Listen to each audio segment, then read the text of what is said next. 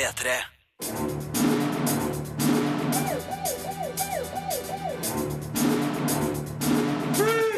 Filmpolitiet! What's your name, dude? Birger Vestmo. What kind of stupid name is that? The Martian underhell fra start til slutt. Louder Than Bombs berører uten å rope høyt. The Intern er nesten friksjonsfri og konfliktløs. Unfriended er en tidsriktig SoMe-thriller.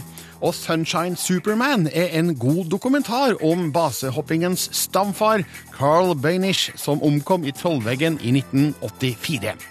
Det her er kinopremierene som anmeldes i denne podkastutgaven av Filmpolitiet, men vi ser også på skjerm.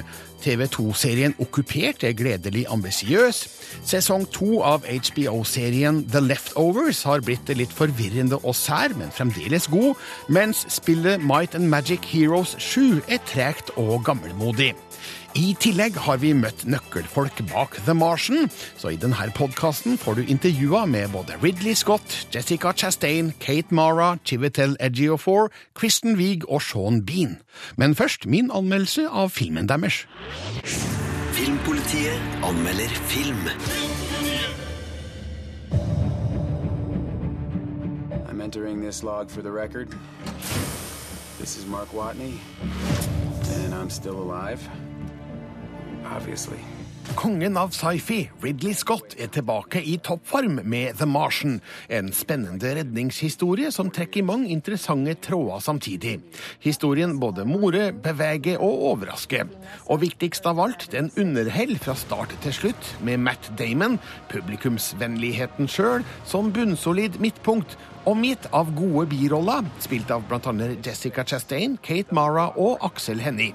The Martian er kanskje ikke banebrytende i sjangeren, men utnytter effektivt dens muligheter til å fortelle en høytflygende og meddrivende historie. At around 4:30 a.m., our satellites detected a storm approaching the Ares 3 mission site on Mars. En ekspedisjon på Mars overraskes av en sterk storm og må evakuere planeten.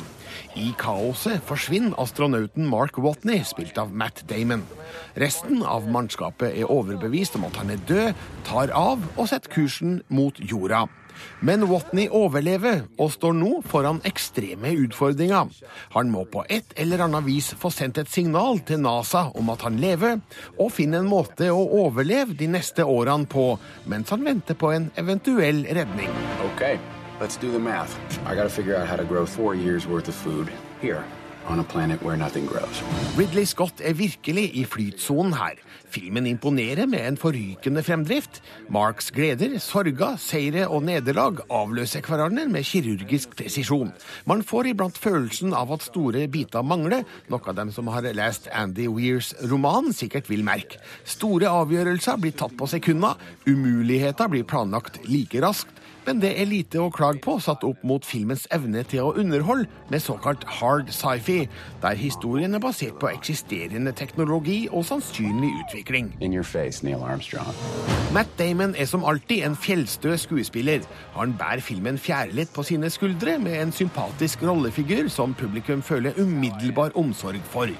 Det er ingen hemmelighet at filmen har et stort persongalleri, både på jorda og i romskipet Hermes, der Aksel Hennie selvfølgelig ikke har noen problemer med å matche resten av mannskapet, spilt av Jessica Chastain, Kate Mara, Sebastian Stan og Michael Penya. Persongalleriet på jorda spilles av bl.a. Jeff Daniels, Chivetel Ejiofor og Kristen Wiig. De spiller NASA-toppene som leder forsøket på å redde mannen på Mars, og Drew Goddards stramme manus turnerer de ulike figurene godt uten å dvele for mye ved hver enkelt av dem. Do you realize how crazy this is? We had no other option. The Martian fylles av 70-tallsmusikk med fokus på disko, og det blir ikke feil med ABBA i verdensrommet. Det er med på å gjøre The Martian til en morsom og lekende film, som er like god på å underholde sitt publikum som den er til å få oss til å tenke store tanker om romfart og science fiction. Det er imponerende og gledelig at Ridley Scott i sitt 78. år fremdeles kan lage såpass spreke filmer som det her. Terningkast fem. Les mer om film, spill og serier på p3.no Filmpolitiet. Det var anmeldelsen, og nå, spesielt for denne podkasten, skal vi ha en real runde med intervjuer av nøkkelpersoner fra The Martian. For eh, Marte Hedenstad har vært i London og intervjua både regissør og store deler av castet, eller skuespillerne som det heter på godt norsk. Eh, og eh, før vi går i gang med det, Marte, vi må jo eh, kanskje ymte fram på at du, du gjorde andre ting i London òg, i forbindelse med den The Martian-turen. Ja. Men har vi lov til å snakke om det, egentlig? Altså, jeg, jeg har ikke lov å si hva som ble sagt, men jeg kan jo sikkert si at jeg har vært og gjort det. Ja. Eh, Jeg har nemlig vært og intervjua noen av de nye skuespillerne i Star Wars. The Force Awakens. Men det får jeg ikke lov å si noe mer om eh, helt ennå. Nei, men vi skal komme tilbake til det seinere. Eh, for du var altså også på The Martian-intervjua i mm. London. Eh, og da tar vi Ridley Scott først. Altså, det er jo gamlefar. Eh, en, av mine, en av mine favorittregissører, i Ja, hvert fall. Spesielt med tanke på hans tidlige sci-fi-filmer Alien og Blade Runner. Hvilket forhold har du til Ridley Scott? Mm. Eh, Det er jo Alien og Blade Runner som står høyt eh, av mine favorittfilmer også. Mm. Eh, Så jeg syns ikke alt han har gjort i de senere åra har vært like strålende. Nei, men eh, Gladiatoren og Black Hawk Down? Ja, bra. ja, veldig bra. Ja, eh, Gladiator var jo en av mine favorittfilmer på den tida. Så bra syns jeg den var. Ja, Jeg også, du, mens vi snakker om Ridley Scott, jeg beklager, jeg kan ikke la være, men, men uh, vi må trekke fram Kingdom of Heaven fra 2005, som kanskje ikke fikk den helt store mottagelsen på kino, men i en ekstremt eh, forlenga versjon på Blu-ray, så er det en helt annen film. Den har ikke jeg sett, den eh, extended-greia. Det må du, fordi det er et tilnærma masterpiece, faktisk. Oi, så shit! Det Kingdom of- Kingdom of Heaven, Director's Cut. Det er strålende. Ok, jeg skal sjekke ut det. det er ikke det vi skal snakke om nå. Nå er det Nei. The Martian. Men Ja. eh, eh, for mitt vedkommende så var jo den forrige filmen hans, eh, Exodus, Gods and Kings, en eh, skuffelse. Ja, altså, vet du hva, Birger? Rett og slett fordi jeg vet at du på en måte du gjør alt du kan for å på en måte like det Ridley Scott lager. Du, du Ja. gir han litt sånn ekstra, og når til og med du ikke syntes den var så bra, Nei. da ga deg faktisk ikke se den. Så Nei. den har ikke jeg sett. Det kan du godt eh, hoppe over. Men eh, med The Martian, som eh, alle hørte i anmeldelsen min i sted, så har Ridley Scott funnet formen. Og en morsom ting med den for oss nordmenn er jo at eh, en nordmann spiller en eh, birolle i filmen. Ja, folk eh, klikker jo i vinkel når Aksel Hennie er på skjermen i en sånn storslått Hollywood-produksjon. Ja. Og jeg skjønner jo det. Og da jeg dro til London, så hadde jeg på en måte fått i oppdrag å spørre skuespillerne og Ridley Scott om, om hva de syns om Aksel Hennie. Og eh, Ridley Scott var veldig positivt eh, innstilt, og fortalte at eh, da han så Aksel i Hodejegerne, så fant han ut at han her må jeg ta fatt i. Yeah, I found, wow, who's that? And then I know I had to cast a German, but uh, you know what the hell. I thought he was really good, and so I thought he needed a needed a good shot, and I enjoyed working with him. It's great, terrific. Yeah, how was he to work with? Oh, brilliant! But also, he's you know he as a as a hobby is a skydiver. You know? And so when he was on the wires, he was very good. He was he was easy. It, was for him it was second nature because there's a lot of wire work. I mean, he didn't do that much. He had to travel down the corridor and go down the, the ladder, but he was very very physical. Or he did the loop the, in front of the family. But I think he's great. He's very nice. Very nice character. Charming. Charming. Good. Good. Good. Nice man. What do you think of his future career in Hollywood? I think he should just come in and do it because he speaks very good English. And I think we're going more and more international in Hollywood. So I think, and that we welcome that. You know, the whoever can do it, let's bring him in. You know, I think th- films are getting more international because the international marketplace is now two thirds bigger than the United States. So there's an advantage in having a German actor or a Norwegian actor in a film. I read that screenwriter Andrew Goddard uh, uh, pitched the movie as a love letter to science. Yes. Is it, and how so? It's the density is at first when you re- look at it and read it, it's kind of you got to be patient, and it's it's not formidable, but it's dense, okay. And yet when you go through it and read it again, as I have to, and again, to prep it, and again, it becomes suddenly very clear and very straightforward. Okay, so I, I always appreciate the fact I think I learned something. Well, is it something you have to do differently in this thing that is maybe a hard science movie instead of uh, a lot of science fiction that you have done? No. What do you have to do differently considering that? Well, I think in a funny kind of way, hard science, fic- hard science is um, really easier because I can relate to Houston, to you know, and they they were very helpful, saying, "What about this? What about that?"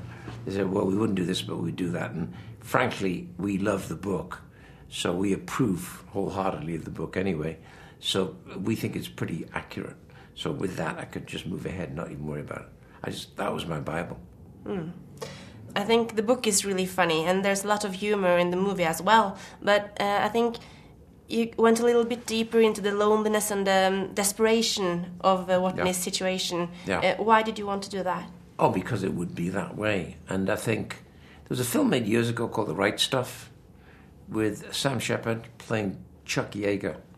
Chuck Yeager was a formidable astronaut and test pilot who actually, sorry, been passed over as a test pilot, uh, as a astronaut, and was a test pilot who would break the sound barrier. And uh, he was, he invented the word cool. He was super cool, even when he was going through what he called cobblestoning at just under a thousand miles an hour, and he didn't realize it, but he was that was the sound barrier, and then he passed through, and he was always calm right through the whole thing. I loved that coolness, which I think um, that NASA were very approving of the attitude of uh, Mark Watney, who was very cool. You don't allow fear in, you do not allow terror in, you're not going to function. Filmpolitiet. På P3. Ja, det sa Ridley Scott eh, om eh, samarbeidet med NASA. Jeg elsker at han trakk frem The Right Stuff her. Fantastisk film om romfartens eh, barndom eh, fra 1983 i regi av Philip eh, Kaufmann, så her har Ridley Scott gjort eh, hjemmeleksa si. Ja. Eh, men, det, eh, det ja. ikke hører helt på slutten her, som jeg har klippa bort, er at jeg sier sånn Oh, it's an honor to meet you. Thank you, thank you. Jeg måtte bare klippe det. Ble for deg. oh, herlig, herlig. Men eh, du har møtt flere flotte folk eh, i forbindelse med The Martian. Mm. Jessica Chastain spiller jo da kommandør, eller kaptein, om bord i romskipet Hermes, som er en viktig del av eh, denne filmen. Ja. Eh, hva skal vi si om, eh, om Chastain, da? Ja, altså, jeg ble for det første litt sånn starstruck faktisk da jeg så henne, for hun er jo bare så vakker, og så sitter hun der med sånn lampe som lyser ned på henne, litt sånn der gloriaktig, og så var hun bare så uh, hyggelig og, og snill og svarte så flott, så jeg ble faktisk litt starstruck, og det ble jeg ikke av Ridley Scott, så det var litt rart. Men ø, hun er veldig opptatt av kvinners rolle i filmbransjen, ø, så jeg spurte da henne om hvordan det var for henne å spille en såpass sterk kvinnelig rollefigur som Commander Louis er.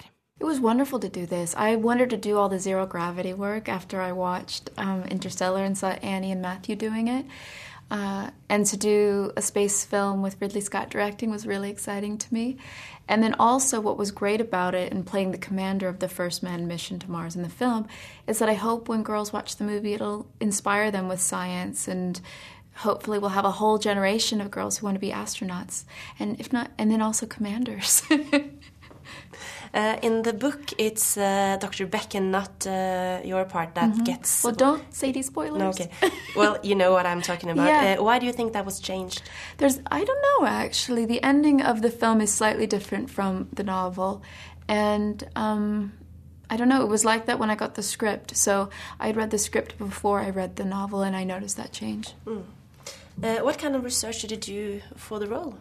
I went to uh, JPL in Pasadena and saw the Curiosity rover twin that was there and um, saw them programming the rover on Mars in real time and did some virtual reality of what it would be like to be on Mars.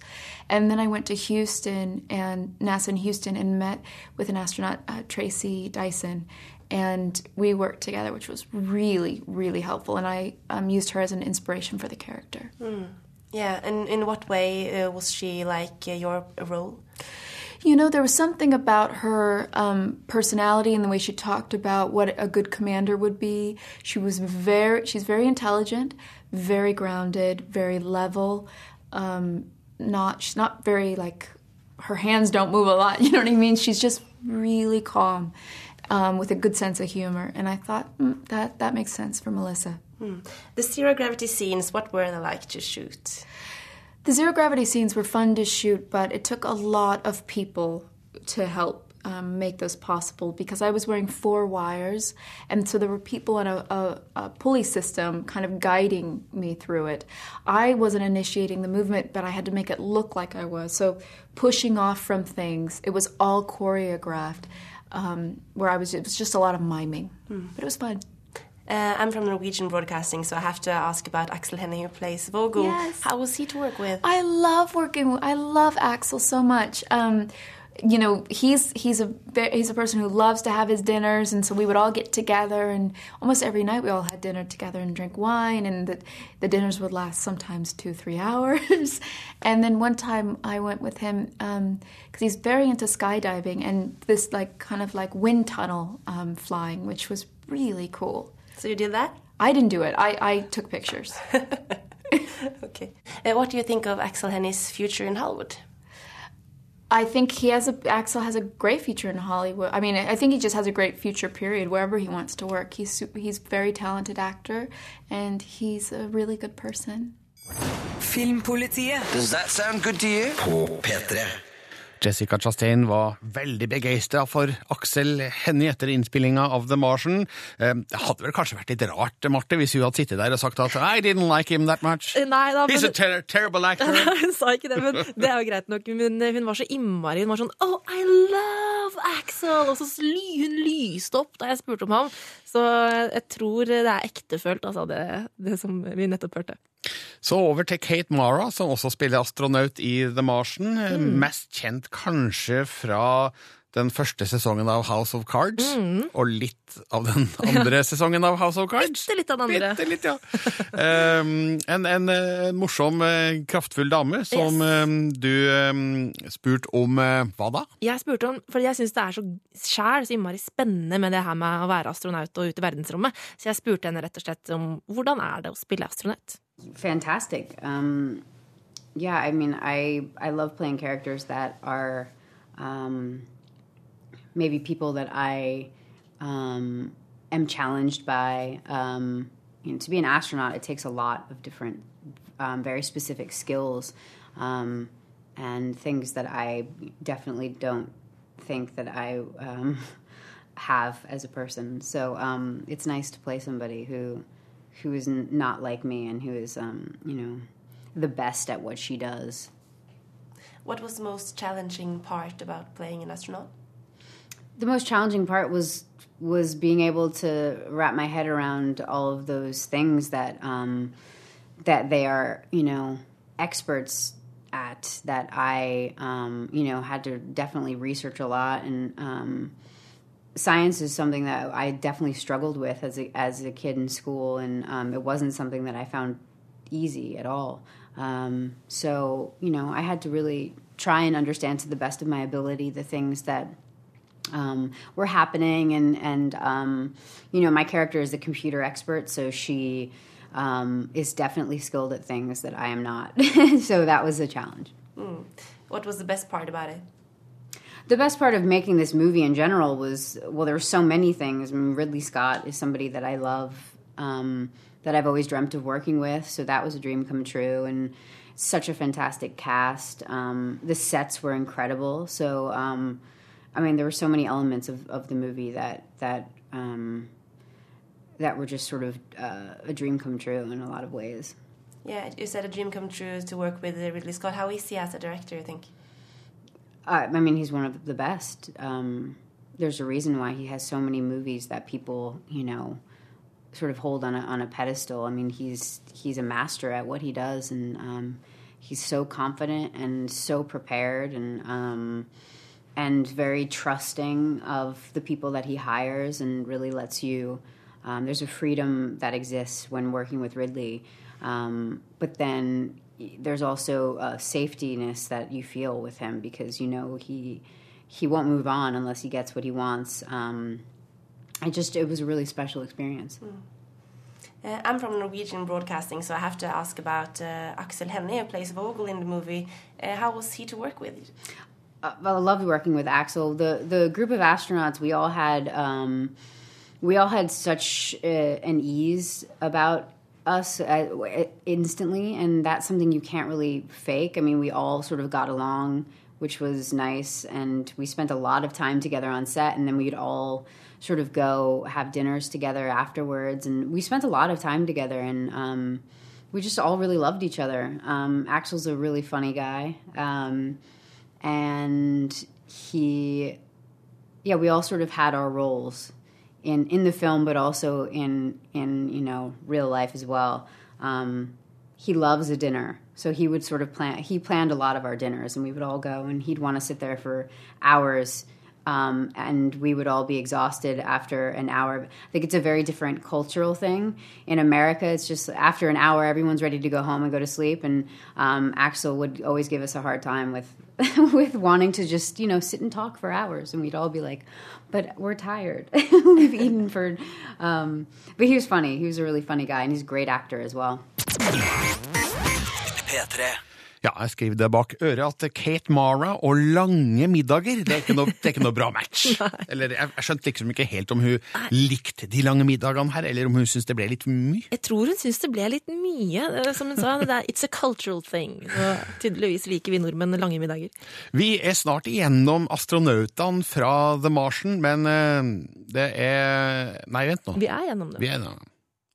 Da er vi ferdig med astronautene fra eh, The Martian, eh, i hvert fall dem som var tilgjengelige på denne intervjusessionen.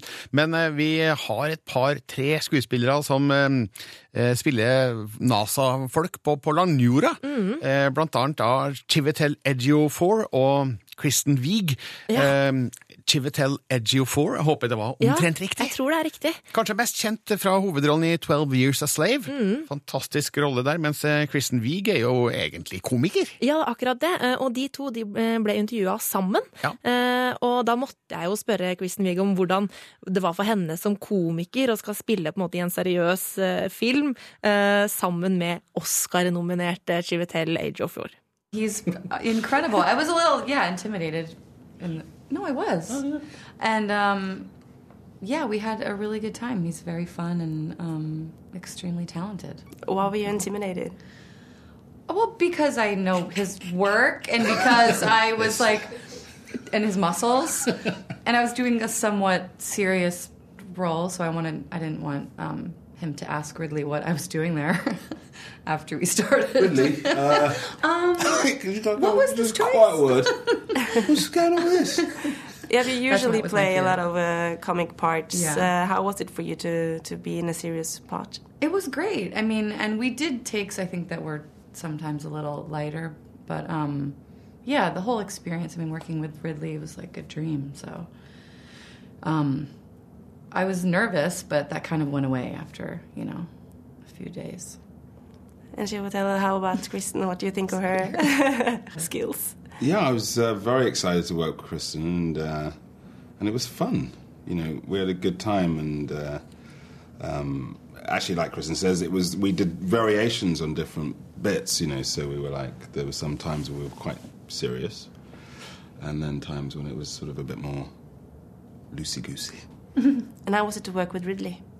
It was great. You know, I, I love Ridley. I, I love his films, and uh, and I worked with him before on American Gangster. So I was, you know, as soon as he sort of decided to talk to me about the film, I was just completely all in. You know, it's such a fascinating subject and and story. Hmm. And did you? I know you're not playing astronauts in the movie, but did you still do some research into the science of it all? I already knew the science, so I didn't have to do a lot of research. A little private work Mhm. that had been going on for science. years. Yeah, which was weird because when I heard about the movie, I was like, oh, I already know All of this. all of this, so I didn't have to do any research at all. It's lucky. That's what Uh, happens when you read. a Yeah. I suppose. Yeah. um, I, on the other hand, had to do some research. Uh, but I got I got a good chance to speak to people from actually the European Space Agency. Oh yeah, they were they were on set. Yeah, and uh, and so um, it was that was very interesting actually, just to kind of figure out what the kind of personalities of people that are involved in this kind of work are, and uh, you know, it's Mm. exciting. Uh, and, he, pl- he's sort of his minder because he, he- she's like the press uh, spokesperson. Uh, what do you think? I thought that was kind of funny. But uh, what do you think was the best scene the two of you had together? Um, the best scene. All of them. Or the funniest for you Oh. to, to play in? Um, I don't know. It's hard to pick a favorite scene. I think the the big conference scenes were quite fun. Yes. You know, yes, I'll and, pick uh, that one. Yeah. Okay. Yeah. and uh, you know just trying to you know because it's all problem solving you know like a lot of the movie for us and stuff is just like problem solving and so like really smart people problem solving is always kind of fun you know to play um, not Yeah. being, not being that smart myself Well, and what we could tell the public and not tell the public. Yeah, that I agree. Uh, how about um, not being an astronaut, but being in the science of it all? Uh, have you had any dreams about that when you were younger? I mean, it's always fascinating because it's out there. You don't know what it is, and we just kind of have our imaginations in movies that we watch. And to be a part of a movie like that, especially when it's Ridley, was really um, exciting because you feel like you're really actually living it and you're there, and you know it's going to look amazing. And the scene or whatever, the big, what would you call that room with the big screen that we had? Oh yeah, control, mission control, that room. Um, that was an actual set, and walking in, it was just completely unbelievable. With the graphics were up, all those monitors were there, and it was incredible. I've never seen a set like that. You really felt like you were there, and that you were talking to people in space. In space, I thought I was at one point, but it was just actors. Okay, thank you. good job Thanks. Yeah, Thank you That's so it. Filmpolitiet. Dette er P3. Det sa Kristen Wiig, mest kjent for Bridesmaids, og også den kommende Dame-Ghostbusters-filmen, men nå er altså aktuell i The Martian, og jeg vet ikke helt om jeg tror helt på det hun sa der. Nei, altså, hun syns eh, kontrollrommet på NASA, altså settet, var så bra at hun trodde at hun snakka med folk i verdensrommet, nesten. Særlig, liksom. Særlig. Tror det var litt på fleip. Ja. Vi hørte også Chivitel Ejiofor her, men nå over til den siste skuespilleren du har intervjua fra The Martian, nemlig Sean Bean. Og jeg, kjenner, jeg kjenner jo deg, Marte, og alle som kjenner deg, vet at Sean Bean har, har et spesielt sted i ditt hjerte. Ja, altså, Vi snakker jo Boromir fra Lord of the Rings, vi snakker Ned Stark fra Game of Thrones, så det her var jo kjempespennende for meg. Eh, og så kommer jeg inn og skal intervjue Sean Bean, og så bare ser jeg han er drittlei av å være i det studioet. Han var så lei av å bli intervjua. Og eh, jeg spør han litt om hvordan han liksom forbereder seg til rollen, og så snakker han i, liksom et par minutter om dette, men han snakker så stotrende og inni seg selv at eh, ja. Det gidder vi ikke å høre Det på. gidder vi ikke høre på. eh, Så da, og da tenkte jeg underveis at det her er et kjedelig intervju, så da måtte jeg rett og slett få opp stemninga litt. Because uh, you were safe at NASA headquarters, your character didn't die off this time. no, no, he survives and plays. He's played golf at the end, and, uh, so he's, he's all right. But uh, uh, no, that was quite refreshing. Are you tired of playing characters that get killed off? I'm, uh, no, not really. No, I don't mind getting killed off. I Just do something else after that. So, but I, it's nice to kind of survive for a, a, film till the end. But uh, I, I've survived quite recently, you know, and, and the stuff I've been doing, I've kind of got there at the end, and It's I don't mind. I don't mind dying off. I love the scene where you have to explain to Kristen Wiig's character what the Council of Elrond is. How was that for you to play out? Oh, that, yeah, that was a bit strange because uh, having been in a film, you know, in the Lord of the Rings, and uh, and then and then being in a, a film that was talking about the Lord of the Rings was quite bizarre, and uh, I didn't quite know how to react, uh, and and uh, it was like. Yeah, whether it should be familiar or not, or I should ignore it, and you know. But I've never been in that situation where you know somebody's mentioned like the Council of El- Elrond and Project Elrond, and I've actually been there. So uh, I don't know what I did actually. I forgot what I did. I think I just went, hmm, it's familiar.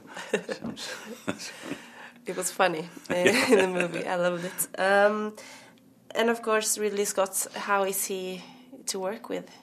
It was great, you know. We, we, we had a good time. He was very, he, he knows exactly what he's doing, and uh, you know, he uh, it's good to work with someone, you know, who's got such an amazing kind of career and has made so many spectacular films and very interesting films that you know we all we are all aware of. You know, he's a, a kind of uh, you know classic you know, filmmaker. You know, and um, and and so it was uh, something that I guess every actor wants to do is work with Ridley Scott, and I had that opportunity, and it was a great experience working with him. He was very. Uh, I, I thought he was very easygoing, and, he created a very kind of free and easy atmosphere in which we could kind of explore our characters and be a bit more lightness and a kind of um, you know, airiness about the characters, which which was nice because it didn't get too heavy, and it, it was um, we knew the gravity of the situation, gravity. But uh, but we at the same time there was a humour and a lightness of touch, which I think he, he, he definitely brought to it. P3. Det sa Sean Bean om eh, regissør Ridley Scott, og eh, det var alt vi hadde om eh, The Martian i denne litt forlenga podkasten. Briljante intervju av Marte Hedenstad. Å, tusen takk, Birger. Det var veldig gøy å, få, å reise på en sånn tur. Filmpolitiet anmelder film.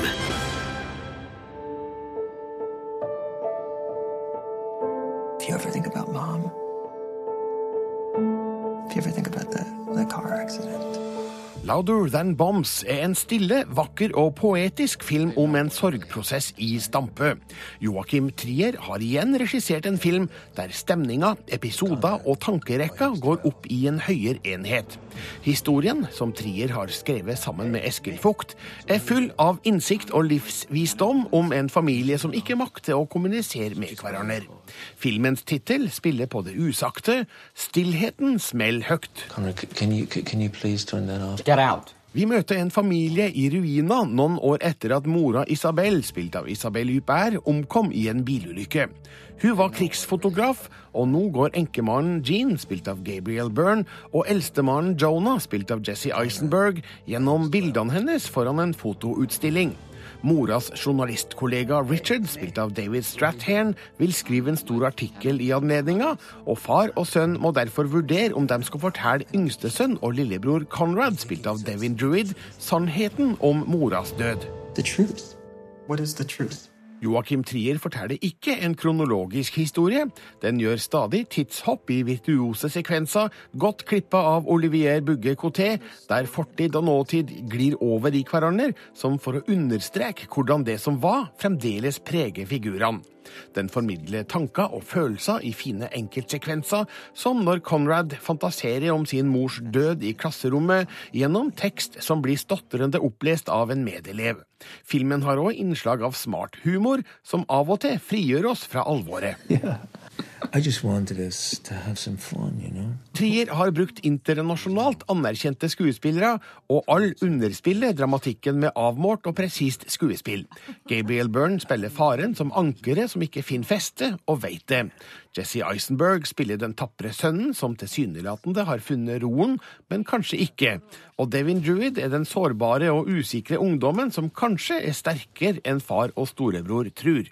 Isabel Huppert er dyktig i sine mange korte scener, som antyder at mora, til tross for flyktig tilstedeværelse, likevel var limet som holdt familien sammen. It's our life. It's our life. Filmen er kanskje ikke så frisk og leken som reprise.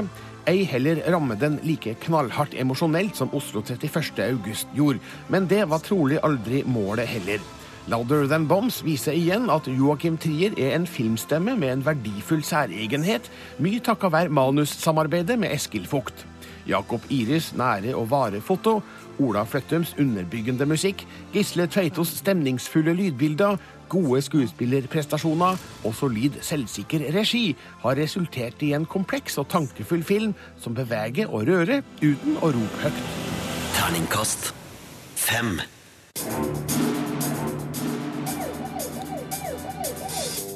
Mye mer i vente her i Filmpolitiet. Det skal anmeldes premierefilmer. The Intern, Unfriended og Sunshine Superman. Et eh, nytt spill, Heroes of Might and Magic 7, og en eh, TV-serie, The Leftovers sesong 2. Eh, men det kommer litt senere. Nå skal vi fokusere på Okkupert. For på søndag er det klart for høstens store politiske thrillerserie på TV 2. Okkupert har allerede skapt internasjonale overskrifter fordi serien handler om en russisk okkupasjon av Norge. Og med stor mediedekning kommer store forventninger. Kollega Sigurd Vik har sett de første fem av de totalt ti episodene. Filmpolitiet anmelder TV-serie. Vi har kanskje en statsminister som slekker russerne langt opp etter ryggen, men vi har et forsvar som definitivt ikke gjør det. Okkupert setter Norge opp mot våre naboland i et litt søkt, men spennende tankeeksperiment. Ideen bak serien kommer fra krimspesialisten Jo Nesbø, og både klimakrise og russisk okkupasjon av Norge er tidsriktige trusler med godt potensial for en drivende politisk thriller. The Russian government has kindly agreed to assist Norway. Men nå skal de trekke de seg ut av landet? Serien gjør effektiv bruk av vår frykt for både miljøkatastrofer og ressursjagende naboland. Det er et utgangspunkt som vil fenge mange. Dessverre rotes det litt med spenningsoppbygginga i seriens første halvdel. Den gjennomgående magekriblende stemninga uteblir. Serien sliter også med å komme seg ut av stereotypiene når det gjelder både russiske naboer og norske motstandsfolk. Det gjør deler av rollegalleriet til en ganske forutsigbar gjeng. Men vi får jo ikke hjelp! USA kommer jo ikke til å løfte en finger. Det er, det er derfor de gikk ut av Nato. Vi er helt alene. Okkupert stiller smarte spørsmål om hvordan vi i Norge ville ha reagert hvis vi ble utsatt for en okkupasjon som var delvis skjult for folket, og som ikke ville ha påvirka hverdagslivene og hverdagsfriheten vår noe særlig. Ville vi ofra alt og tatt opp kampen på prinsipielt grunnlag, eller finnes det situasjoner der det er greit at praktisk etikk trumfer prinsipielle rettigheter? Jeg tror det finnes folk som er villige til å ofre noe for landet sitt. Budsjettet på 90 millioner er enormt i norsk målestokk, og serieskaperne Erik Skjoldbjerg og Karianne Lund har skapt en estetisk lekker serie som plasserer seg i den dagslyse delen av nordisk noir-sjangeren. De gir oss også et rikt rollegalleri som byr på flere gode sidehistorier. En av de beste er statsministerens livvakt Hans Martin Djupvik, flott spilt av Eldar Skar. Det er en figur som tidvis irriterer i sin rett framhet, men Skar balanserer handlekraft og usikkerhet på en finstemt måte, og viser godt fram hvor menneskelig det er å bli opphengt i hendelser framfor prinsipper. Dialogen kan bli litt flau til tider, og det er et par irriterende troverdighetsklipper i manuskriptet. Men spørsmålet om hva Norge vil gjøre med okkupasjonsmakten, er alene nok til å holde på min interesse gjennom episodene. Og etter halvspilt sesong så er det forfriskende vanskelig å se hvordan side flere av de sentrale figurene kommer til å ende opp på. Terningkast fire. P3. Filmpolitiet anmelder film. In retirement, there's an ongoing, relentless effort in creativity. Tried yoga, learned to cook, bought some plants, took classes in Mandarin. Believe me, I've tried everything. I just know there's a hole in my life, and I need to fill it soon. The Intern setter all kluta til for å være så hyggelig, trivelig og koselig som overhodet mulig, som iblant fører til overdose av hygge, trivsel og kos. Ja, det går an, for filmen er nesten friksjonsfri og konfliktløs, som gjør den mindre interessant enn den kun har vært. Robert De Niro og Anne Hathaway er en fin match i hovedrollene, og filmen har mange søte og sympatiske enkeltscener, men helheten blir for glatt og intetsigende til at The Intern oppleves som direkte god. I'm Ben Whitaker. I have an appointment with Miss Austin. I thought she was meeting with her new intern. That's me. How old are you? 70. Ben, spilt av Robert De Niro, er den 70 år gamle enkemannen som blir praktikant i et ungt selskap i New York som selger dameklær på nett, takket være et forsøkstiltak for pensjonister. Her blir det krasj mellom gammel kunnskap og ung iver, spesielt når Ben blir assistent til sjefen Jules, spilt av Anne Hathaway, som ikke forstår hva hun skal bruke han til. Men etter hvert skal det vise seg at Bens erfaring kan komme til nytte når selskapet møter utfordringer. Hi, Jules. I'm Ben, your new intern. I'm glad you also see the humor in this. Be hard not to. Handlinga følger et rimelig forutsigbart spor. Her skal ingen plages med leie overraskelser. Filmens tone er lys og lett, med hyggelige mennesker, lun humor, vakre omgivelser og behagelig musikk på lydsporet. Her skal ingen risikere å pådra seg uønska humørsvingninger. Det er ikke noe problem at filmer forsøker å oppnå en viss lykkepilleeffekt, men for mye av det gode kan resultere i motsatt virkning, slik The Intern gjorde for meg. Okay, Benjamin, I'm gonna ask you one of our more telling questions for all of our interns, so I want you to like, this is the one to really think about, okay? Where do you see yourself in 10 years? When I'm 80. Robert De Niro er sjølsagt god i rollen som Ben. Det her er en tur i parken for en skuespiller av hans kaliber. Anne Hathaway er òg sympatisk som den overarbeida Jules, men hun er dessverre utstyrt med et lite overbevisende kjærlighetsforhold som resulterer i filmens flaueste klimaks. Et overdrevent sukkersøtt manus og sjansefattig regi av Nancy Myers, kjent for Something's Gotta Give og It's Complicated, gjør at The Intern kun blir en delvis tilfredsstillende opplevelse. Men man kan håpe at det fins en gruppe kinogjengere der ute som vil synes det her er midt i blinken. You're not as old as I thought you were. Terningkast tre. Filmpolitiet anmelder spill. War is ravaging our lands. Brothers fighting against brothers. I need to stop this madness. Who will join me? Det var altså litt lyd fra Heroes of Might and Magic 7 som kom ut denne uka. Og Rune Håkonsen, det betyr at det har kommet seks spill i denne serien før? Det er jo en klassisk spillserie vi nå snakker om, Birger. Jeg har aldri hørt om. Hva er det du sier? Jeg har hørt om Donkey Kong og Mortal Kombat og sånn, men det, det her er nok en av de virkelig skal vi si, kjente fantasy, turbaserte fantasy-spillene som kom på slutten av 90-tallet og starten av 2000-tallet. I hvert fall da det hadde sin storhetstid. Eh, Og for mange nerder, sånn som meg, så er nok Heroes of Might and Magic 3 en, en, en vei inn i fantasy-spillverdenen som, som man ikke klarer å glemme med det første. Derfor er det jo litt spennende når det kommer en ny utgave, Heroes of Might and Magic 7 nå. Eh, Men jeg, kan, jeg skal avsløre en ting allerede, Birger. Heroes of Might and Magic 3 er fortsatt favoritten, altså. Jeg må innrømme det. Og, og det er fordi uh, Heroes of Might and Magic 7 har bra grafikk, det er oppgradert, uh, men beholder den gode, gamle kjernen, det som gjorde de første spillene bra. Det er også kanskje rett og slett akilleshælen til Heroes of Might and Magic 7, for det er litt gammelmodig, det er litt treigt. Det er få ting som har blitt endra uh, i særlig stor grad uh, de siste 15 åra, og det gjør at også spillet oppleves som veldig saktegående. Spesielt når du skal la datamaskinen gjøre sine uh, turbevegelser. Når, når datamaskinen skal styre, da går det så sakte at du nesten kan gå og hente deg en kopp kaffe. Altså. hva betyr det? Betyr det to minutter eller en halvtime? Eh, Nå har jeg spilt både betaen og den utgitte versjonen som kom nå uh, den uka her, og det, det har vært på det verste eh, sånn at jeg kan lage meg en kopp kaffe i mellomtida. Ja. Det har blitt litt bedre, men, men det er en teknisk, eh, et teknisk krevende spill, og har du ikke den siste datamaskinen, så er det bare å smøre seg med tålmodighet. Noe som gjør at eventyret og fantasiopplevelsen rett og slett svinner litt eh, ut av Heroes and Might and Magic 7. Spillet er jo eh, en, en, en eh, hvor du tar kontrollen over en helt som må redde et land fra korrupsjon og ondskap. Du starter i et slott, og så kan du ri ut på tur, da, for det er, hvis det er flere spillere eller mot datamaskin, så gjøres alt på rekke og rad eh, for å slåss mot monstre og bli sterkere. Så det er et sånn strategielement som er godt, men, men hastigheten i Heroes and Might and Magic 7 er altså altfor sakte, og det teknisk dessverre legger en demper på, på gleden. Men kan det være at de har gjort spillet gammelmodig med vilje for å tekkes eh, fansen fra den gang, da? Det kan være det, og at de er litt eh, var på å, å gå i helt nye retninger.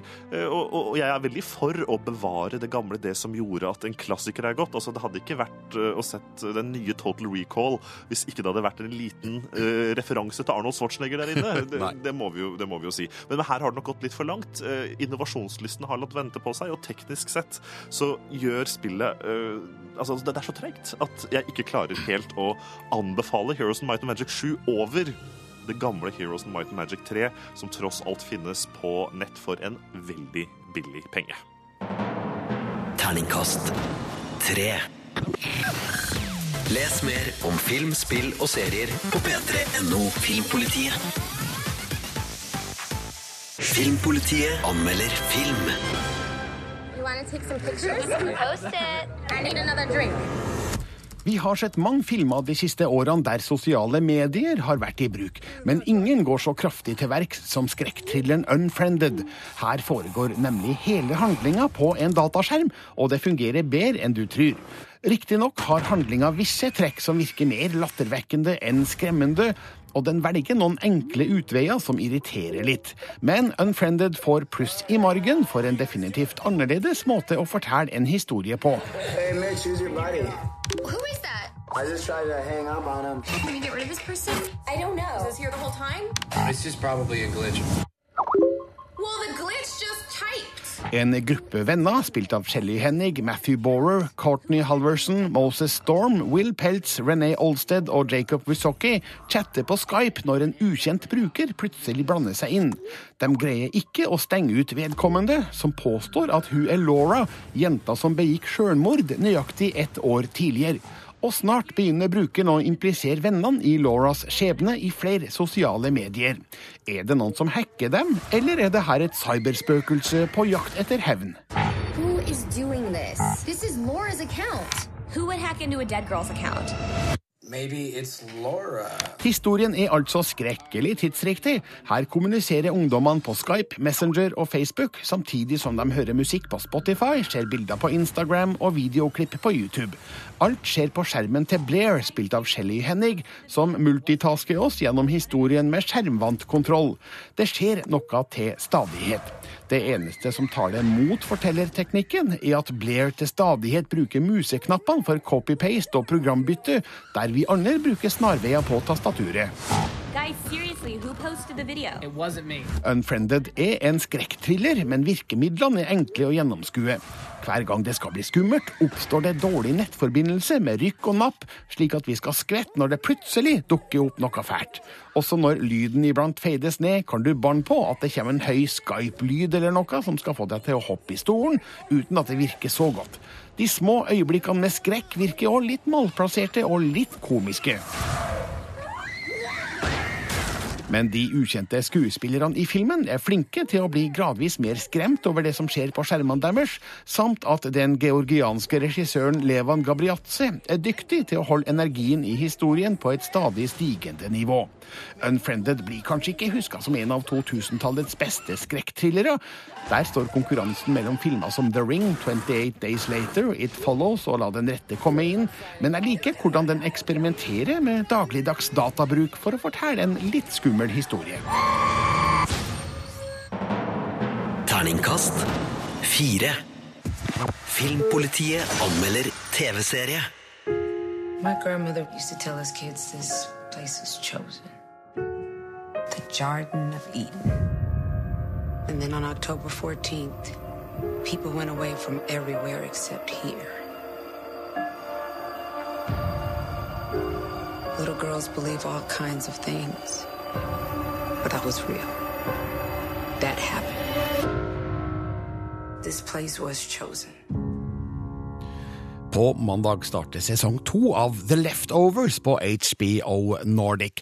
Marte Hedenstad, du har kikka på det her, og må først komme en liten eh, påminnelse om hva The Leftovers egentlig er? Altså, The Leftovers det er eh, en serie basert på boka med samme navn, skrevet av Tom Perotta, som handler om at en dag plutselig så forsvinner 2% av jordas befolkning bare sporløst fra klodens overflate. De blir bare rett og slett borte.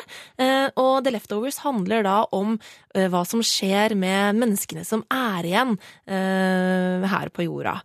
Og det er jo mye psykiske problemer ute og går her. Og i sesong én så fulgte vi jo da familien til Kevin, spilt av Justin Theroux, i en forstad utenfor New York. Eh, Men denne gangen så tar vi turen til eh, den lille byen Miracle.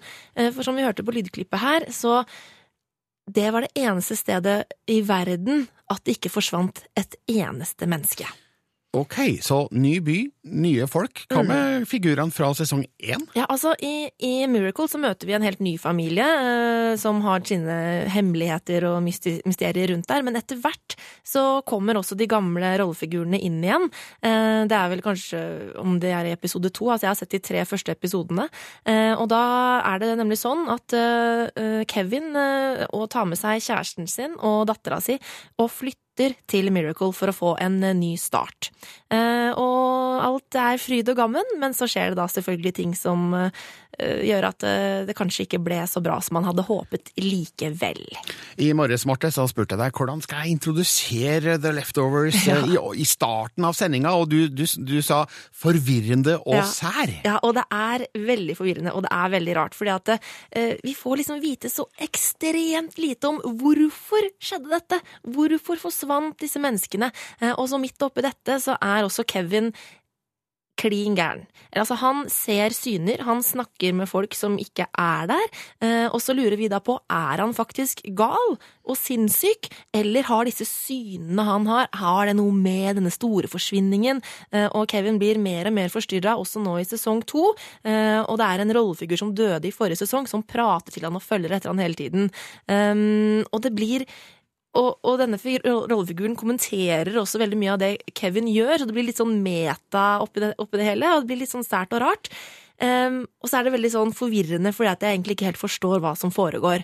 Men det er på en måte på en bra måte. Okay. Fordi det er så spennende, og det er liksom eh, forvirrende på en god måte, fordi at jeg er jo så spent på hvor dette leder hen. Eh, Men det som jeg, nå har jeg sett de tre første episodene, og Mm. i sesong to så må vi få noen mer, eh, flere svar for at nivået skal holde seg oppe. Og selv om skuespillerne er gode, historien er spennende, så må vi få noen svar nå, for ellers så kan det hende at det til slutt eh, blir for forvirrende, rett og slett. The Leftovers sesong to starter altså på HBO Nordic på mandag, og Marte Hedenstad gir Terningkast fem. Dette er Filmpolitiet Filmpolitiet. på P3. Filmpolitiet anmelder film. We had agreed that it was suicidal. You just had this feeling of doom. Nobody could survive that jump. Den delvis norskproduserte dokumentaren Sunshine Superman, med tittel fra en Donovan-låt, forteller historien om Carl Burnish. Han er ansett som basehoppingas stamfar, og omkom i et mislykka hopp i Trollveggen 7. juli 1984. Reflekterte intervjuer og et vell av spektakulært arkivstoff gjør det her til en god og severdig dokumentar, som gir et interessant innblikk i en definitivt annerledes livsstil. Uh. Filmens anslag er litt rotete redigert, men finner raskt formen og skildrer godt hvordan Carl Bernish og hans venner utvikla basehopping. Jakta på stadig mer spennende steder å hoppe fra førte dem til både fjell, antennemaster og skyskrapere, og alt ble filma grundig. Burnish ville nemlig dele sin lidenskap med så mange som mulig, noe som gjør at regissør Mara Stroke har hatt tilgang til timevis med opptak fra basehoppekspedisjoner. Hun har òg intervjua mange av dem som kjente han, med det resultat at det blir litt for mange talking heads i filmen. We started talking about Carl's grand idea, fixed object jumping. Buildings, antenna towers, spans, and Earth. It evolved into the word base. Vi får også se hvordan han møtte sin kone Jean Burnish, hans rake motsetning, men perfekte partner. Det som fra utsida ser ut som et merkelig ekteskap, blir treffende vist i filmen. Mens Carl er engasjert og energisk, er hun stille og tilbaketrukket.